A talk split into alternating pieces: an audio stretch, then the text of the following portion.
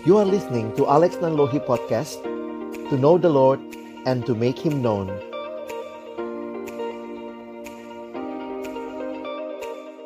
Mari kita berdoa sebelum kita membaca merenungkan firman Tuhan. Bapa di dalam surga, kami kembali bersyukur kepadamu buat cinta kasih dan anugerahmu bagi hidup kami.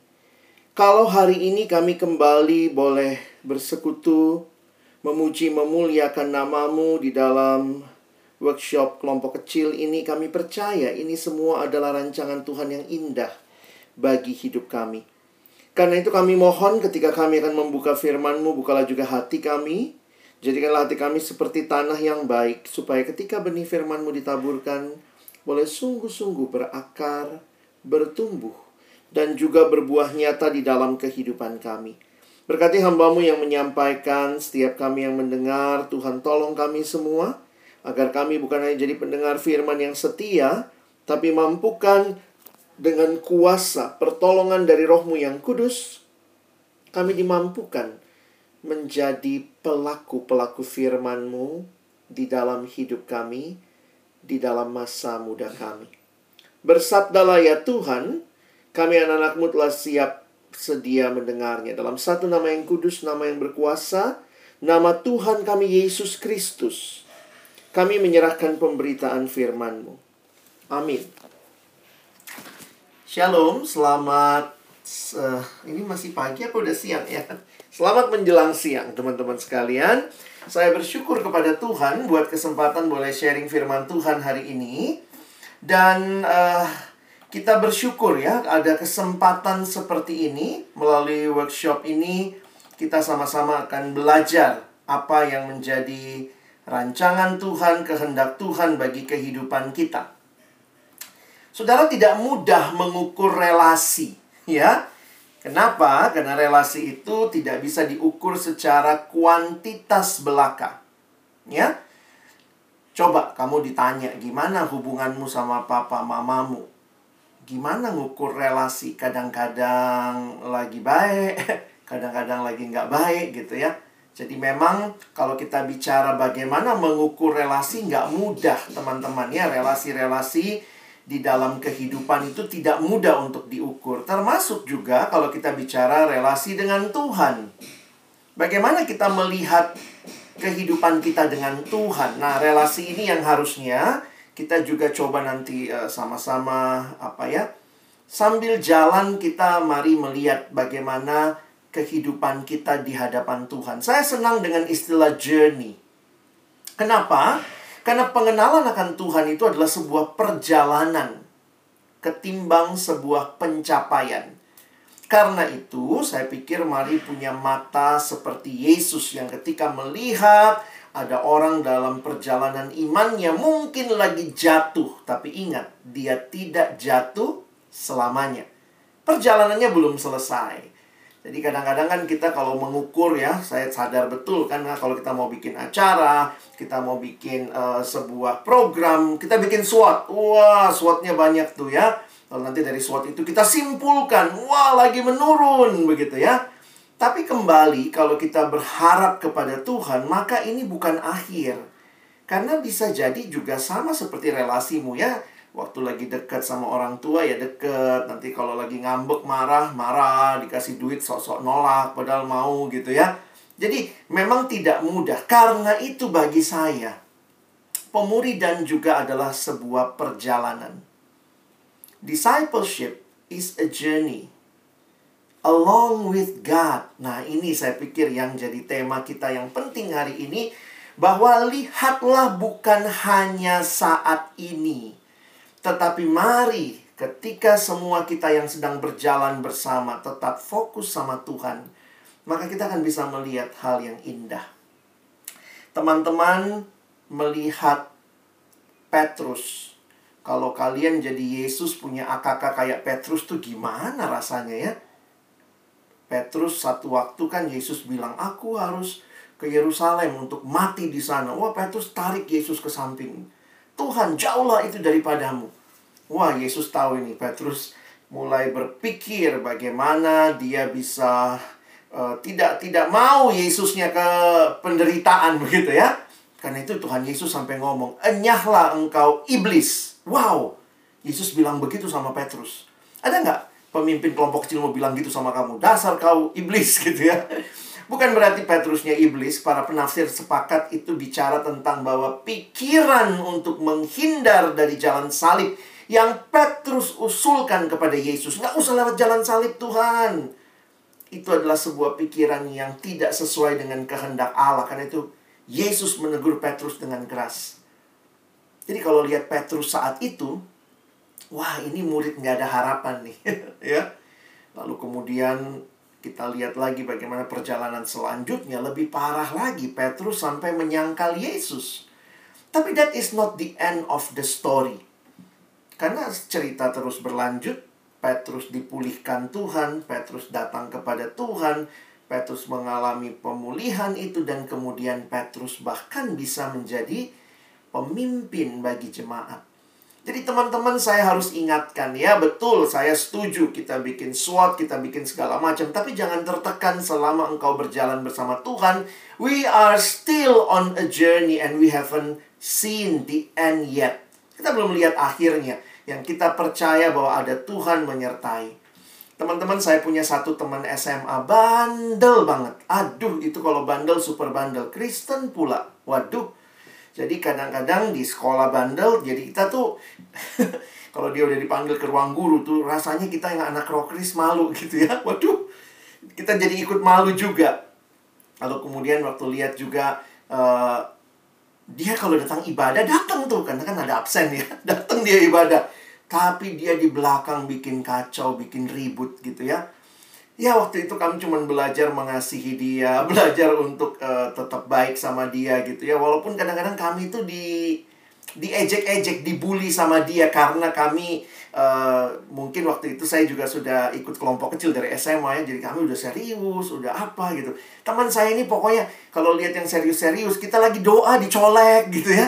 Nah itu gitulah, kita lagi doa, kepala kita diketok dari belakang begitu. Jadi kadang-kadang saya karena saya pengurus rockris dulu saya kadang-kadang duduk di belakang deket dia biar dia nggak berisik gitu. Eh malah dia berisikin saya gitu ya. Teman-teman waktu berlalu kira-kira sekitar uh, beberapa tahun yang lalu lah ya setelah kira-kira mungkin tidak ketemu dengan dia 20-an ya 25 tahun mungkin ya saya melihat wow luar biasa ya Tuhan berkarya sekarang boleh dikatakan dia pebisnis yang sukses sekaligus penginjil. itu kombinasi yang menarik. Jadi dia kalau ketemu kita tuh jadinya dia sekarang ngomongnya rohani banget. Dia cerita pertobatannya, bagaimana dia berubah, bagaimana Tuhan pakai dia, bagaimana dia menyesali masa yang lalu tapi dia nggak bisa ubah. Tapi sekarang ini dia jadi orang yang berbeda. Wah teman-teman itu bagi saya melihat betul firman Tuhan tidak akan pernah kembali dengan sia-sia. Hai teman-teman pengurus potri, apa yang kau lakukan mungkin responnya kurang baik dari teman-temanmu saat ini, tapi apa yang kau taburkan tidak akan sia-sia.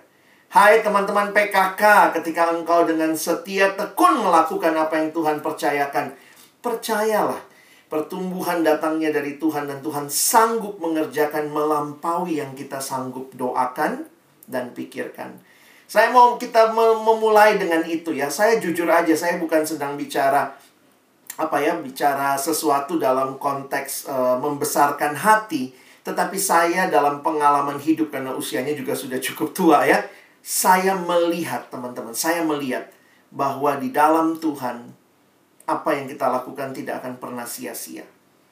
Jadi Uh, sekali lagi saya tidak mengatakan saya menolak semua suat kalian apa yang kalian tuliskan tapi that is not the end of the journey. If you keep doing the same thing with God maka kita akan melihat akhir yang indah yang bahkan tidak mungkin atau tidak pernah maksud saya kita sanggup bayangkan Jangan tertekan ya. Kadang-kadang saya melihat sekarang kampus semua bilang kami sedang menurun. Lalu kayaknya itulah the end of the story ya. No, no. Kita sedang berbicara we are still on a journey. Ya. Nah, bagaimana menghayati ini? Saya ingin kita memahami di dalam konteks bagian yang kita akan baca di bagian awal ini. Bagaimana sih kehadiran Tuhan dalam hidup kita? Nanti kalian bisa coba ya waktu sharing di kelompok sore nanti, nanti coba pikir-pikir gini kali ya, gimana pertanyaan penolongnya? Abang dari tadi mikir, gimana ukur relasi ya? Tapi memang kan relasi itu uh, kadang deket, kadang jauh. Kita pakai gambaran rumah sakit deh. Relasimu sama Tuhan sekarang gimana? Kamu sedang di ICU? ya bang, aku kritis banget nih sama Tuhan nih, lagi di ICU. Atau kamu lagi di IGD?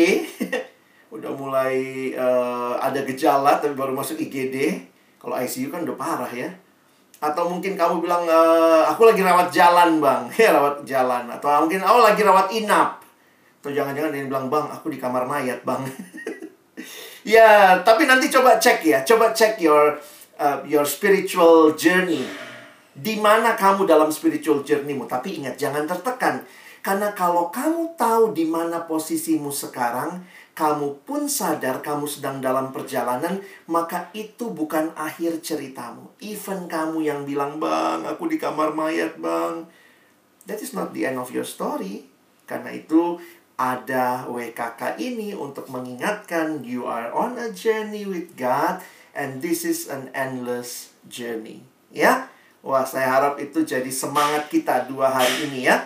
Bukan semangat untuk saling melemahkan, tetapi saling menguatkan kamu di ICU, tidak apa-apa. Saya juga sedang di ICU. Yuk, kita balik lagi ke Tuhan ya.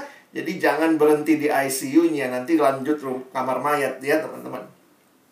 Kita lihat firman Tuhan ya.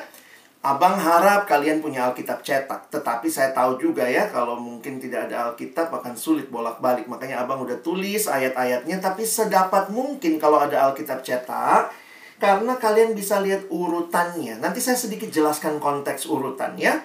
Tapi lihat ayatnya saya sudah tulis di depan. Lukas 14 ayat 15 sampai 24.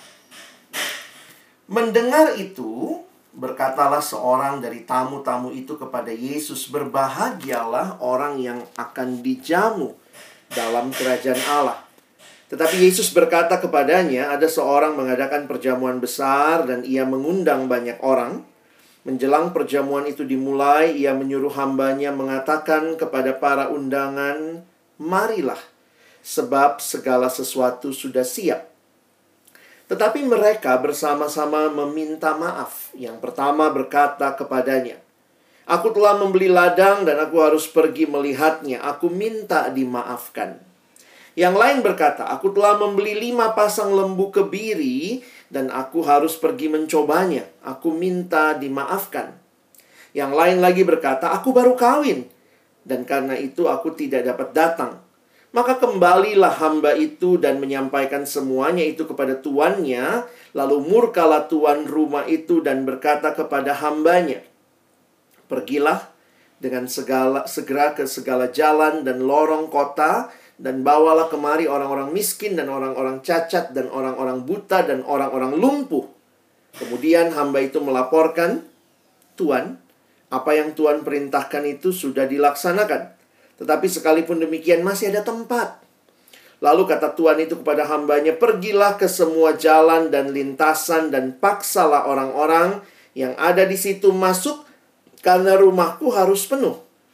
Sebab aku berkata kepadamu, tidak ada seorang pun dari orang-orang yang telah diundang itu akan menikmati jamuanku. Teman-teman yang dikasihi Tuhan, ini adalah sebuah perumpamaan. Di dalam kita mengerti perumpamaan, tidak semua ceritanya detail itu harus kita cari artinya karena namanya perumpamaan. Perumpamaan itu sedang menjelaskan sesuatu. Jadi kalau kalian mengerti, bahasa Inggrisnya itu parable. Yesus sepertiga pengajarannya itu parable. Parable itu dalam bahasa Yunaninya adalah parabole. Para itu apa? Para itu di samping. Kayak para medis ya, di samping yang medis ya. Makanya para medis itu nggak masuk si dokternya kan. Para itu di samping. Para church. Jadi kampus kayak kita ini PMK itu adalah para church pendampingnya gereja. Nah, para boleh parable para boleh dari dua kata ya kata para dan balo kata balo bentukannya jadi balein gitu ya jadi para balai Nah, balo itu as artinya melempar. Jadi lucu ya. Parable itu melempar sesuatu di samping. Kira-kira begitu. Sederhananya begini. Kalau abang mau jelaskan satu fakta ini. Misalnya saya mau jelasin ini ya. Kamu uh, lihat, saya mau jelasin ini. Lalu saya lemparkan sesuatu di sampingnya.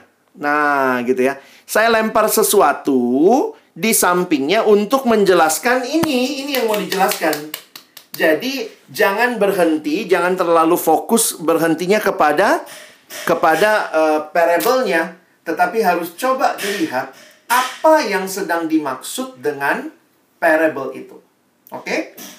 Nah, karena itu kita mesti lihat konteksnya. Bagi saya menarik sekali memperhatikan konteksnya. Kalau kalian punya Alkitab, di tercetak lihat seluruh pasal 14 Injil Lukas ini, ya. Kalau kalian lihat seluruh pasal 14, kalian bisa lihat konteksnya. Abang coba gambarkan ya. Kalau kalian lihat, maka sebenarnya pada waktu itu Yesus sedang ada di rumah salah seorang pemimpin dari orang-orang Farisi untuk makan di situ. Jadi orang Farisi ini lucu juga ya. Terus cari kesalahan Yesus, tapi salah satu cara cari kesalahannya gimana? Undang dia makan ya. Memang katanya kalau di meja makan itu banyak hal yang terungkap. Susah juga sekarang agak susah kita makan bareng ya. Nah, poinnya waktu itu diundang lah. Dan waktu mereka undang, perhatikan tuh ya. Semua yang hadir mengamat-amati dia dengan seksama. Wih, ini fokusnya sama Yesus. Tapi untuk cari kesalahan Yesus. Nah, jadi teman-teman kalau kalian perhatikan, bahwa dalam konteks ini pada waktu itu hari Sabat, ingat ya hari Sabat ya. Makanya cerita di bawahnya, ingat masih di rumah orang Farisi ini. Pasti di dalamnya banyak teman-teman dia orang Farisi ya. Itu ternyata kebiasaan pulang dari uh, sinagoge pada hari Sabat biasanya mereka akan berkumpul di sebuah tempat untuk makan. Jadi nampaknya Yesus setelah ibadah di sinagoge itu diundang ke rumahnya si Farisi ini. Apa yang terjadi ayat 2-nya? Nah, kalau lihat ayat 2 di Alkitabmu juga sebenarnya sudah ada itu penyembuhan pada hari Sabat. Jadi itu Makanya mulai ditulis ya, tiba-tiba datanglah seorang yang sakit busung air berdiri di hadapannya. Ingat, Yesus ini kan terkenal, termasuk juga banyak orang yang dia sembuhkan. Sehingga begitu tahu ada Yesus, pasti orang-orang sakit pada datang. Nah, ini salah satunya. Wah, menarik juga Yesus ajak mereka diskusi. Lalu Yesus berkata kepada ahli-ahli Taurat dan orang Farisi itu katanya, Diperbolehkankah menyembuhkan orang pada hari sabat atau tidak? Mereka itu diam semua. Lalu ia memegang tangan orang sakit itu dan menyembuhkannya dan menyuruhnya pergi. Jadi Yesus tanya, nggak dijawab, tetap dia sembuhkannya. Lalu kemudian ia berkata kepada mereka, siapakah di antara kamu yang tidak segera menarik keluar anaknya atau lembunya kalau terperosok ke dalam sumur? Meskipun pada hari sabat, mereka tidak sanggup membantahnya. Karena kalau mereka bilang, nggak boleh, kamu lebih peduli sama hari sabatmu ketimbang manusia gitu ya. Jadi sebenarnya Yesus tuh mencoba mengajarkan mereka banyak hal ya. Walaupun mereka sedang mengamat-amati untuk mencari salahnya Yesus. Kenapa saya pikir cerita ini perlu saya ulas dari atasnya? Karena bisa nanti kita lihat ya, salah satu bagian kita bisa perhatikan betapa mengerikannya jadi orang yang cuma Farisi.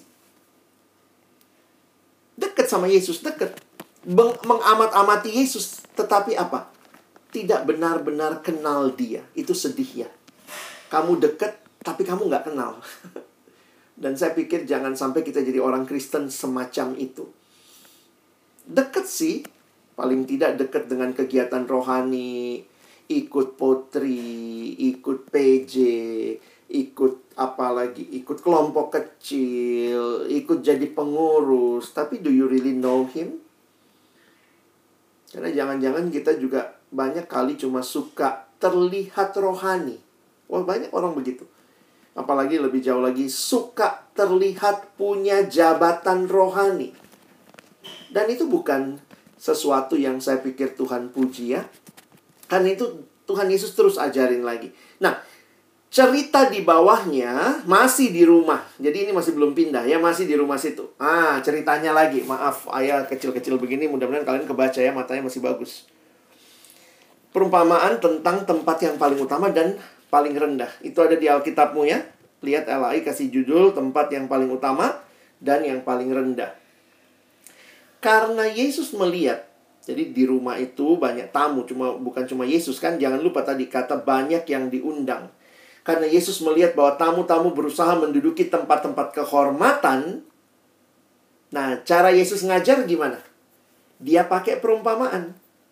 Jadi Yesus nggak bisa nggak langsung ngomong ngapain duduk-duduk terhormat malu lu kalau nggak di ini ini ya. Dia cerita perumpamaan. Jadi ingat perumpamaan itu di sebuah cerita yang dilemparkan di samping sebuah fakta untuk menjelaskan fakta itu, ya. Makanya lihat ceritanya. Kalau seorang mengundang engkau ke pesta perkawinan, janganlah duduk di tempat kehormatan. Sebab mungkin orang itu telah mengundang seorang yang lebih terhormat daripadamu. Jadi jangan sampai malu ya. Salah tempat. Supaya orang itu yang mengundang engkau dan dia jangan datang dan berkata kepadamu, berilah tempat ini kepada orang lain. Lalu engkau dengan malu harus pergi duduk di tempat yang paling rendah. Tetapi apabila engkau diundang, pergilah duduk di tempat yang paling rendah, mungkin tuan rumah akan datang dan berkata kepadamu, "Sahabat, silahkan duduk di depan." Dan dengan demikian engkau akan menerima hormat di depan mata semua tamu yang lain, sebab barang siapa meninggikan diri, ia akan direndahkan dan barang siapa merendahkan diri, ia akan ditinggikan. Sebenarnya inti ceritanya di mana? Di ayat 11 ya.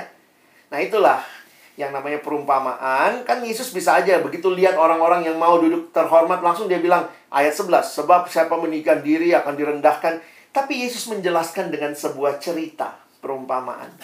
Nah, kenapa ini jadi menarik? Karena kemudian Yesus mencoba menjelaskan lebih jauh. Perhatikan, ini ayat 11 ya teman-teman ya. Lalu ayat 12. Nah, kita belajar sebentar ya, agak panjang bagian Alkitabnya. Dan Yesus berkata juga kepada orang yang mengundang dia. Jadi dia kasih tahu sama yang mengundang. Apabila engkau mengadakan perjamuan siang atau perjamuan malam, janganlah engkau mengundang sahabat-sahabatmu atau saudara-saudaramu atau kaum keluargamu atau tetangga-tetanggamu yang kaya. Karena mereka akan membalasnya dengan mengundang engkau pula dan dengan demikian engkau mendapat balasnya. Sebenarnya kalau kalian pahami kalimat ini jadi menarik ya. Kadang-kadang kita ngundang orang kaya supaya nanti gini, kalau dia bikin pesta, gue juga diundang, begitu. Makanya Tuhan ngomong, kalau mau tulus ngundang, sebenarnya undanglah orang yang nggak bisa kamu yang nggak bisa balas undanganmu lah, kira-kira begitu ya. Tetapi apabila engkau mengadakan perjamuan, undanglah orang-orang miskin, yang nggak bisa balas kan, orang cacat, orang lumpuh, dan orang buta. Dan engkau akan berbahagia karena mereka tidak mempunyai apa-apa untuk membalasnya kepadamu. Loh, lalu yang balas siapa? Nah, lihat.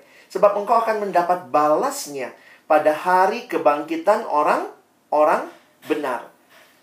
Jadi, Tuhan mau bilang begini bahwa kalau kamu dengan baik bisa undang yang tidak bisa balas kamu, yang bisa balas kamu tuh cuma Tuhan. Nah, kira-kira begitu ya. Sebab engkau mendapat balasnya pada hari kebangkitan orang-orang benar. Man, jadi teman-teman, ayat yang kita baca itu, ayat 15, itu nyambung ayat 14.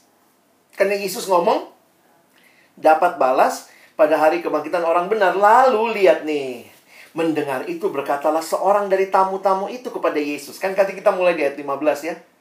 Ini yang abang pikir, kalau tiba-tiba saya langsung jelasin 15, kalian mikir, ada apa di atasnya bang? Nah ini ada ada cerita tadi. Mendengar itu, berkatalah seorang dari tamu-tamu itu kepada Yesus, berbahagialah orang yang akan dijamu dalam kerajaan Allah. Kira-kira apa? Apa yang menjadi respon Yesus mendengar kalimat dia ini? Dari respon Yesus, saya menyimpulkan teman-teman ya. Saya menyimpulkan dan coba menafsirkan, nampaknya orang ini berpikirnya apa?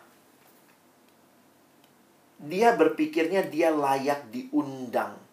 Nah, sebenarnya di sini jadi menarik nih. Karena lihat kalimat saya, saat itu Yesus masih berada di rumah seorang pemimpin dan dan dari orang-orang Farisi, itu di ayat 1 tadi. Seorang yang ikut mendengar pemaparan Yesus di atas tadi berkomentar tentang bahagianya orang-orang yang dijamu dalam kerajaan Allah. Ia berkata demikian bukan karena memiliki pemahaman bahwa itu merupakan anugerah.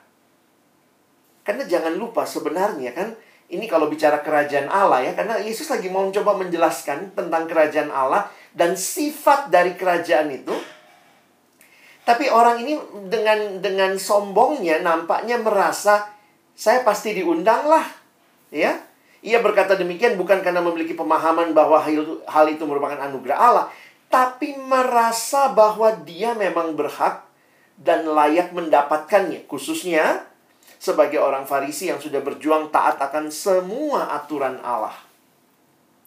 Nah, di sini yang bagi saya jadi menarik karena Yesus cerita perumpamaan berikutnya.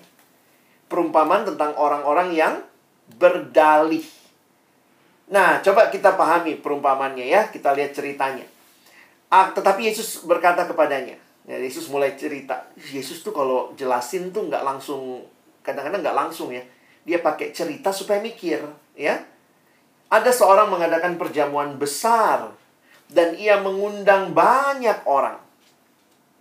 Menjelang perjamuan itu dimulai, ia menyuruh hambanya mengatakan kepada para undangannya, marilah, sebab segala sesuatu sudah siap. Mungkin kita perlu sedikit belajar konteks perjanjian baru pada masa Yesus. Teman-teman waktu itu kalau bikin apa ya, bikin acara ngundangnya memang dua kali. Nah, itu ternyata konteks yang harus kalian paham. Ngundangnya tuh dua kali. Gimana maksudnya? Jadi pertama kalau mau bikin acara, dia kasih tahu dulu semua orang yang diundang. Ya, mungkin dia kasih tahu orang-orang yang diundang itu. Dan karena waktu itu belum ada sistem yang seperti kita begitu ya, pasti tepat waktunya, nanti di jalannya pas begitu. Makanya kalau kalian perhatikan untuk konteks pada masa itu, maka orang-orang yang ketika pestanya sudah siap, maka dikirimlah undangan yang kedua. Jadi makanya biasanya hamba akan datang untuk kasih tahu bahwa segala sesuatu sudah siap. Jadi undangan pertama sudah disebarkan, mungkin beberapa hari sebelumnya akan ada acara hari ini ya. Mungkin dia nggak bisa kasih tahu jamnya. Jadi begitu sudah siap, masak semua udah siap, maka hamba itu akan keliling lagi kasih tahu semua yang diundang. Nah, waktu itu kan undangnya se, se sekota paling ya dalam arti yang tidak terlalu jauh.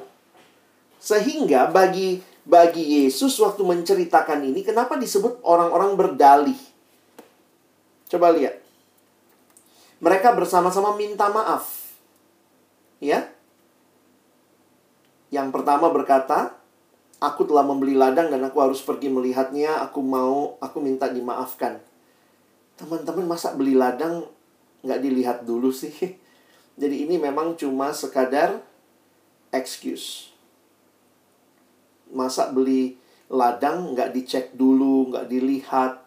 Jadi sebenarnya sudah tahu bahwa hari itu pestanya, tinggal jamnya jam berapa, tetapi alasan yang dia berikan menunjukkan dia tidak menghargai undangan itu.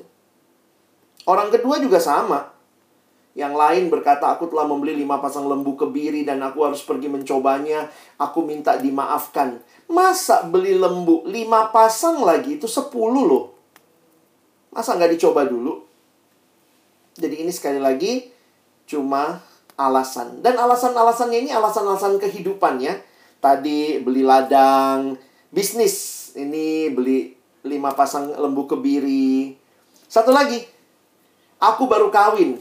Dan karena itu aku tidak dapat datang. Nah ini juga alasannya dalam arti begini. Mungkin dia harusnya tahu dong ya. Waktu diundang pertama kali, di situ sudah ketahuan. Masa sih tanggalnya bisa bareng begitu ya. Jadi sekali lagi ini pun cuma alasan yang dibuat sedemikian rupa. Maka hamba itu kembali menyampaikan kepada tuannya. Lalu murkalah tuan rumah itu dan berkata kepada hambanya. Nah bagi saya ini kita perlu pahami. Pergilah dengan segera ke segala jalan dan lorong kota dan bawalah kemari orang-orang miskin dan orang-orang cacat dan orang-orang buta dan orang-orang lumpuh. Gambaran ini apa sih?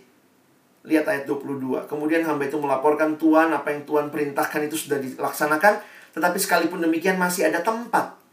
Lalu kata Tuhan itu kepada hambanya, pergilah ke semua jalan dan lintasan dan paksalah orang yang ada di situ masuk karena rumahku harus penuh. Sebab aku berkata kepadamu, tidak ada seorang pun dari orang-orang yang telah diundang itu akan menikmati jamuanku. Teman-teman, mari kita mendiskusikan sebentar perumpamaan ini. Saya tidak melihatnya dalam konteks keselamatan. Jadi ini bukan bicara keselamatan hilang apa tidak. Ini bagi saya sedang berbicara tentang sikap orang terhadap Yesus. Kalau kita membayangkan memang dalam konteks keselamatan, keselamatan itu anugerah. Jadi bahasa lainnya begini. Yang diundang itu tergantung siapa? Tergantung yang undang kan? Jadi tergantung yang undang mau ngundang siapa. Jadi kalau mungkin kita bicara keselamatan ya itu sesuatu yang yang bukan karena kita. Tergantung yang undang, itulah anugerah. Tetapi di dalam perumpamaan ini Yesus lagi mau memberitakan satu bahasan bahwa ternyata yang diundang itu tidak semuanya sungguh-sungguh memenuhi undangan itu. Saya kasih kalimat begini ya, mungkin biar lebih mudah. Melalui perumpamaan ini, tersirat bahwa Yesus mengecam mereka yang pada saat-saat terakhir menolak untuk hadir. Sikap inilah yang Yesus maksudkan sebagai sifat munafik. Mereka puas karena diri mereka dianggap penting oleh orang lain sehingga diundang. Jadi kan bisa misalnya gini ya, wih aku diundang loh. Kenapa? Wah aku penting buat dia kan. Tetapi kalau demikian, kenapa sikapnya nggak demikian? Makanya tetapi mereka tidak mampu memberikan prioritas lebih lanjut atas kehormatan itu. Teman-teman, mereka memilih apa? Mereka memilih melakukan sesuatu bukan untuk kepentingan orang lain, orang yang mengundang, tetapi untuk kepentingan diri sendiri tanpa memperhitungkan akibat penolakan mereka bagi si pengundang. Ya mungkin bahasa kita ya makanan sia-sia lah terbuang begitu ya. Jadi yang dia pikirkan adalah dirinya sendiri. Nah, Tuhan mau ajar apa sih sama kita? Abang harus ingatkan, keselamatan itu anugerah.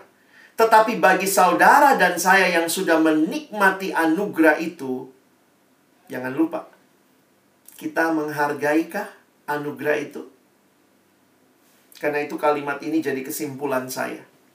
Jika kita menganggap bahwa kita adalah milik Tuhan, namun dalam kehidupan ternyata kita tidak memprioritaskan Tuhan, kita pun munafik. Tadi kita dengar ya, MC juga sudah bilang, mungkin kita selama ini sudah mulai sibuk sama kepentingan diri kita. Lalu kita lupa dengan Tuhan. Kadang saya pikir sedih amat ya hidup ya. Yang sudah Tuhan tebus, tetapi kita mengabaikan Tuhan? Ini jadi pertanyaan penting buat kita. Kita memulai WKK ini dengan satu checklist evaluation bagi diri kita. Kalau saya murid Tuhan, saya milik Tuhan, sudahkah saya memprioritaskan Dia? Dan jangan-jangan kita sedang ada dalam sebuah situasi di mana kita sedang tidak memberikan prioritas yang terbaik kita kepada Tuhan. Kalimat dari Timothy Keller yang saya pikir juga bisa menangkap esensi dari perumpamaan ini. Kalimatnya begini. God relentlessly offers his grace to people. Memang benar ya. Anugerah itu diberikan buat kita yang tidak layak. Bukan kita yang mencarinya dan bahkan yang tidak menghargainya ketika telah menerimanya. Jadi kayak Tuhan mau ingatkan kita, please ingat. Kamu diundang, Tuhan tebus kamu, Tuhan selamatkan kamu. Apakah responmu menunjukkan bahwa dia sungguh-sungguh penting bagi hidupmu?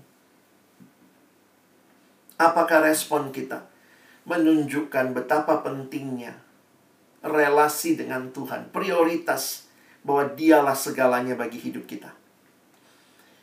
Teman-teman bagaimana mengaplikasikan ini ya? Saya coba menghayatinya begini. Ada kalimat yang menarik yang sering kali saya kutip. Kalimat yang mengatakan Christianity isn't a religion. It's a relationship with God through Jesus Christ. Jadi teman-teman, kekristenan itu bukan sekadar agama. Agama dengan semua ajarannya, ritualnya. Tapi pusat dari kekristenan adalah relasi kita dengan Tuhan melalui Yesus Kristus. Karena itu, buat kita yang ada di dalam Kristus, kita mesti lihat ini generasi GPS ya. Posisi itu sangat penting. Kamu lagi di mana nih? Di dalam Kristus atau di dalam dosa? Betul, keselamatan itu bukan apa yang saya lakukan bagi Tuhan, tetapi apa yang Tuhan lakukan bagi saya. Makanya kita mengerti keselamatan itu adalah anugerah Allah semata-mata, bukan karena perbuatan baik kita. Tapi, perumpamaan tadi mengingatkan bagi kita yang ngakunya sudah diselamatkan Apakah kita terus memfokuskan Yesus dalam hidup kita? Mungkin sebagian besar dari kita juga bukan baru jadi orang Kristen ya. Mungkin kamu sudah Kristen dari kecil, dari lahir, ada yang mungkin pas SMA, ada yang pas masuk kampus. Tapi pertanyaannya, setelah berjalan sekian lama, where is your focus? Tuhan bilang sama Farisi sebenarnya, tidak mungkin keselamatan karena kelayakan dirimu. Tetapi Tuhan juga mau mengingatkan buat kamu yang sudah diundang, jangan abaikan anugerah Allah. Tentu kita tidak mungkin menolak anugerah Allah, karena anugerah Allah itu terjadi di dalam diri kita yang tadinya mati jadi hidup. Tetapi menjalani perjalanan kehidupan bersama Tuhan sering kali ada waktu-waktu kita mulai malas, kita mulai lebih fokus sama kepentingan kita. Saat teduh tergeser dengan nonton drama Korea. Karena apa? Ya karena pas lagi ada di rumah. Wah, lagi online semua. Nantilah satunya kalau nggak pagi ya malam. Kalau yang nggak malam besok paginya. Kalau nggak besok paginya lusa, begitu ya. Banyak hal-hal yang mulai menggeser prioritas kita dari hal-hal yang harusnya kita juga nikmati bersama Tuhan. Mungkin kita mulai banyak orang dalam masa pandemi ini bukannya makin baik, makin kudus, tapi makin jatuh dalam dosa. Jadi saya juga makin ngeri ya. Ketemu beberapa yang sharing, bang tolong doain jatuh dalam dosa seksual, pornografi, masturbasi. Where is your focus? Karena mungkin begitu dekat sama yang nggak tahu tadi katanya kalian dapat kuota dipakai buat apa tuh kuota ya? Download porno bisa juga kan? Jadi kadang-kadang dapat kuota pun anugerah kalau kita boleh pakai istilah itu. Dapat privilege tapi nggak dipakai sebagaimana mestinya. Makanya saya bilang saya nggak mau bicarain keselamatan di sini ya. Tapi saya coba mau mengajak kita melihat seperti yang Yesus sedang sampaikan. Kalau kamu diundang, kira-kira gimana sikapmu? Kalau kamu di, dibawa dalam persekutuan dengan Tuhan, where is you? Where is your uh, where are you in this journey? Kamu sedang ada di mana? Jangan-jangan kamu udah melenceng dari jalan yang Tuhan sudah berikan buat kita. Dan WKK ini mau ajak kita yuk balik yuk. Dan itu yang abang bilang di awal tadi, yuk balik, this is not the end of the journey. Kalau kamu lagi terpuruk, bangkit. Hidup dalam Tuhan itu di dalamnya ada kegagalan, tetapi kemudian kita tidak tinggal dalam kegagalan, kita bangkit, kita hidup bagi Tuhan. Itulah kehidupan rohani yang Tuhan mau saudara dan saya alami. Ya, maaf, abaikan suara di belakang itu ya. Jadi, pertanyaannya di mana fokusmu? Sedang kepada Tuhan? Atau engkau sedang fokus justru kepada keinginan-keinginanmu? Ada satu lagu yang saya ingat ya ketika nyanyi Judulnya Turn Your Eyes Upon Jesus. Lagu itu sederhana aja. Turn your eyes upon Jesus. Kenapa? Karena kalau kamu lagi lihat Yesus, maka dunia kehilangan keindahannya. Tetapi kalau kamu fokus sama dunia, jangan heran bisa-bisa Yesus yang kehilangan keindahannya. Gimana caranya supaya nggak selingkuh? Nah, itu. Makanya di dalam Alkitab, dosa itu sering kali disebut perselingkuhan rohani. Gimana caranya supaya nggak selingkuh? Cintailah pasanganmu baik-baik. Gitu kan? Itu kan kuncinya ya. Gimana caranya supaya nggak selingkuh? Misalnya abang udah merit ya. Gimana caranya supaya saya nggak selingkuh? Ya, saya harus terus belajar mencintai pasangan saya, terus mencintai dia, terus mencintai dia. Sehingga kalau lewat yang lain, oh no, saya punya cintanya sama dia gitu. Tapi kalau setiap hari fokus saya sama istri orang, fokus saya sama saya simpen foto istri orang, saya lihat-liatin, saya renungkan gitu ya. Lama-lama saya makin cinta sama istri orang. Bagaimana caranya engkau cinta sama Tuhan? Bangun hidup yang yang terus mencintai dia, fokus kepada dia, baca firmannya, renungkan. Jadi jangan makin makin jadi ada yang bilang bang kok saya makin susah datang sama Tuhan? Mungkin kamu sedang terikat sama dosa-dosa yang lain. Kamu lagi lihat pornografi ternyata pornografinya pun berseri bukan cuma drakor yang berseri ya. Nanti pornografinya nanti download seri satu. Ih itu dipotong sih nanti ada seri 2 nya seri 3 lama-lama kita makin dalam tuh Kenapa? Karena Yesus makin nggak punya keindahan buat kita. Itu kehidupan rohani. Dan di mana kamu saat ini? Tapi di mana pun kamu saat ini, ingat, Tuhan ada, dia siap untuk merangkulmu kembali, untuk menikmati relasi dengan Tuhan. Baik PKK, baik AKK, baik teman-teman yang belum ikut kelompok kecil. Apa sih dari tadi ngomong kakak, kakak? Ya ayo, kalau kita benar-benar menikmati relasi dengan Tuhan, kelompok kecil jadi salah satu sarana. Kita boleh terus dibantu, ditolong, ditopang untuk dekat dengan Tuhan. Karena itu buat teman-teman yang mungkin belum ikut kelompok kecil ya, yang datang ke sini mungkin cuma mau dapat SK gitu ya, biar dapat SK nih ya. Mungkin kamu lebih butuh saat ini bukan SK-nya, kamu butuh kakaknya, ya kamu butuh itu untuk menolong kamu untuk terus berjalan. Ada koko cici teman-teman yang mau berjalan bersama untuk hidup di dalam Tuhan. Where are you in your journey?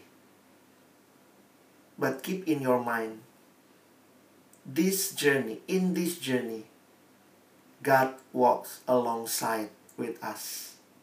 Wah, bagi saya itu kekuatan untuk kita menjalani.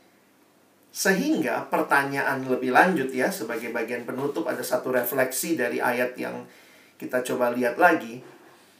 Kalau betul kita pengikut Kristus, kita diselamatkan oleh Kristus ya. Pertanyaannya are you a fan or a follower? Wah, ini jadi menarik ya. fan itu penggemar. Kalau banyak fans, kamu fans atau kamu follower? Yang mana yang komitmennya lebih tinggi? Kalau fans itu ya mungkin ada juga fans yang fanatik banget ya. Tapi di dalam penggunaan kata fans bukan bukan uh, fans itu lebih tinggi follower lah tingkatan komitmennya. Makanya menarik tuh Yesus tuh tidak cari fans. Yesus cari follower. Nanti kita bahas yang ikut sesi saya Selanjutnya saya akan coba bahas itu ya. Nah, bagi kita yang sudah diselamatkan, Tuhan mau kita fokus sama dia dan perhatikan ada satu tantangan yang Yesus berikan. Matius 16 ayat 24. Ada kalimat ini ya.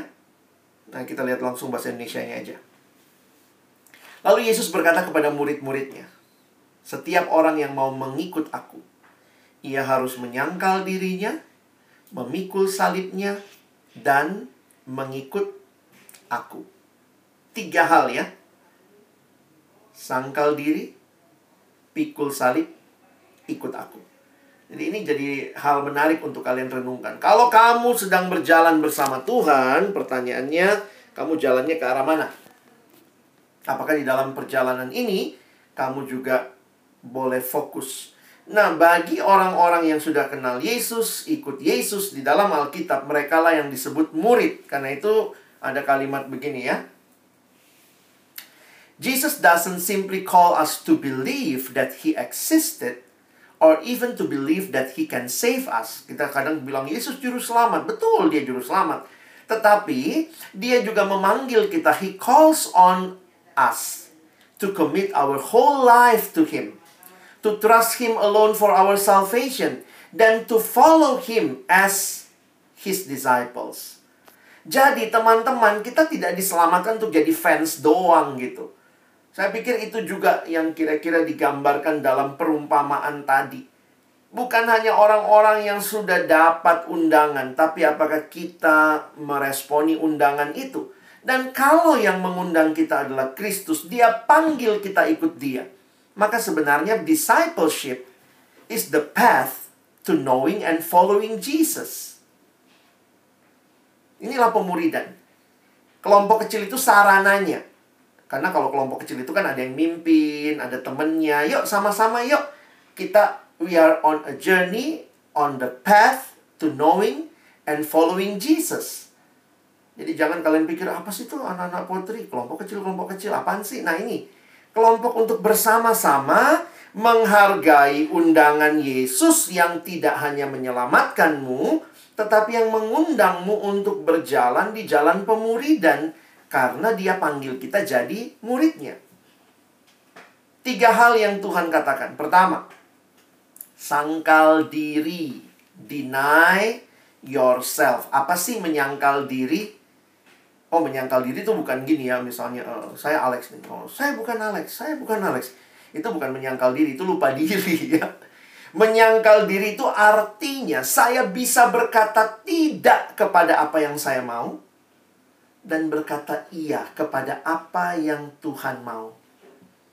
Kalau dia selamatkan saya bukan untuk menikmati dosa, maka saya mau menyangkal diri meskipun saya suka banget pornografi. Aduh Tuhan, pornografi itu hobi utamaku tapi saya mau menyangkal untuk tidak. Saya tahan, saya katakan Tuhan, saya mau taat kehendakmu. Itu namanya menyangkal diri. Yang kita suka kita bisa bilang tidak karena Tuhan tolong kita untuk belajar fokus kepada dia. Sangkal dirimu. Dunia sekarang bilang penuhi kepuasan dirimu. Makanya David Platt itu bilang gini ya. We are settling for a Christianity that revolves around catering to ourselves jadi bahkan kekristenan dunia sekarang itu telah apa yang lu mau, apa yang lu pengen gitu ya. When the central message of Christianity is actually about abandoning ourselves. Jadi menyangkal diri itu adalah menyerahkan seluruh kendali hidup sepenuhnya kepada Tuhan yang sesungguhnya bukan aku, tapi Yesus Kristus. Aku sih maunya bangun pagi pornografi, masturbasi, tapi bukan itu yang Tuhan mau belajar sangkal diri. Saya mau jadi murid, saya nggak bisa sendiri bang. Masuk kelompok kecil. Ada teman-teman yang akan doain, akan support kamu. Dan yang di kelompok kecil nikmati itu. Jangan kelompok kecil cuma KTB, kelompok tanpa bahan, kelompok tertawa bareng, kelompok uh, tidak bertumbuh gitu ya. Kita mau bangun hidup sama-sama untuk ikut Tuhan. Kenapa? Kita udah dapat undangan. Yang kedua, take up your cross. Menarik sekali waktu Yesus bilang take up your cross, pikul salib. Yesus sudah disalib belum? Belum. Yesus kan disalibnya nanti di Lukas belakangan. Ini masih Lukas uh, ini masih Matius 16. Yesus disalibnya di Matius yang belakang. Jadi waktu Yesus bilang pikul salib, apa sih Yesus bilang? Jangan lupa loh, Yesus bukan satu-satunya orang yang disalib di dunia ya. Hukuman penyalipan itu hukuman yang umum di kalangan orang Romawi. Jadi penjajah Romawi memberikan hukuman salib untuk orang-orang warga negara non-Romawi, mereka hukuman matinya disalib. Jadi waktu Yesus bilang pikul salib, memang ini pemandangan yang umum pada masa itu. Orang yang disalib akan pikul salibnya sendiri untuk menuju ke tiang penyalipan. Nah, biasanya itu dia pikul sendiri, makanya Tuhan Yesus juga kan pikul salib ya, menuju ke tempat penyalipan. Jadi apa artinya memikul salib? Kalau murid-muridnya pernah lihat orang pikul salib, Yesus bilang, mau ikut aku. Pertama, sangkal diri. Kedua, pikul salib. Kamu lihat nggak yang pikul-pikul salib itu? Apaan sih? Orang yang pikul salib cuma satu tujuannya. Mati. Nggak ada kan yang pikul salib untuk cuman apa show off gitu ya. Orang yang pikul salib ke mana akhirnya? Ke tiang penyalipan. Jadi Tuhan mau katakan, Yesus mau ingatkan, ikut Yesus tuh ada harganya. Teman-teman, kita mau jadi orang Kristen yang kayak apa? Kristen KTP, Kristen tanpa pertobatan, Kristen KTP, Kristen tanpa pertumbuhan, Kristen yang bukannya mempermuliakan Tuhan tapi lebih sering mempermalukan Tuhan. Kristen macam apa? Yang sedang saudara dan saya bangun. Ayo, kita ikut Yesus berapapun harganya. Dan ikut aku.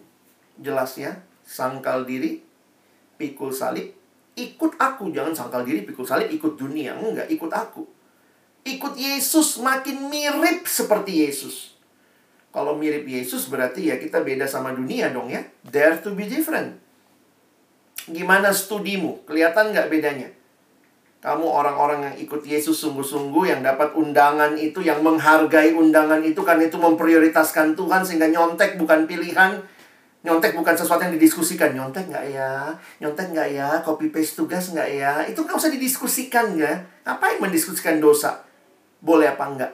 Aduh pornografi boleh apa enggak ya? Kira-kira pornografi yang tingkat mana yang boleh ya? Yang kebuka semua, kalau kebuka sedikit gimana ya?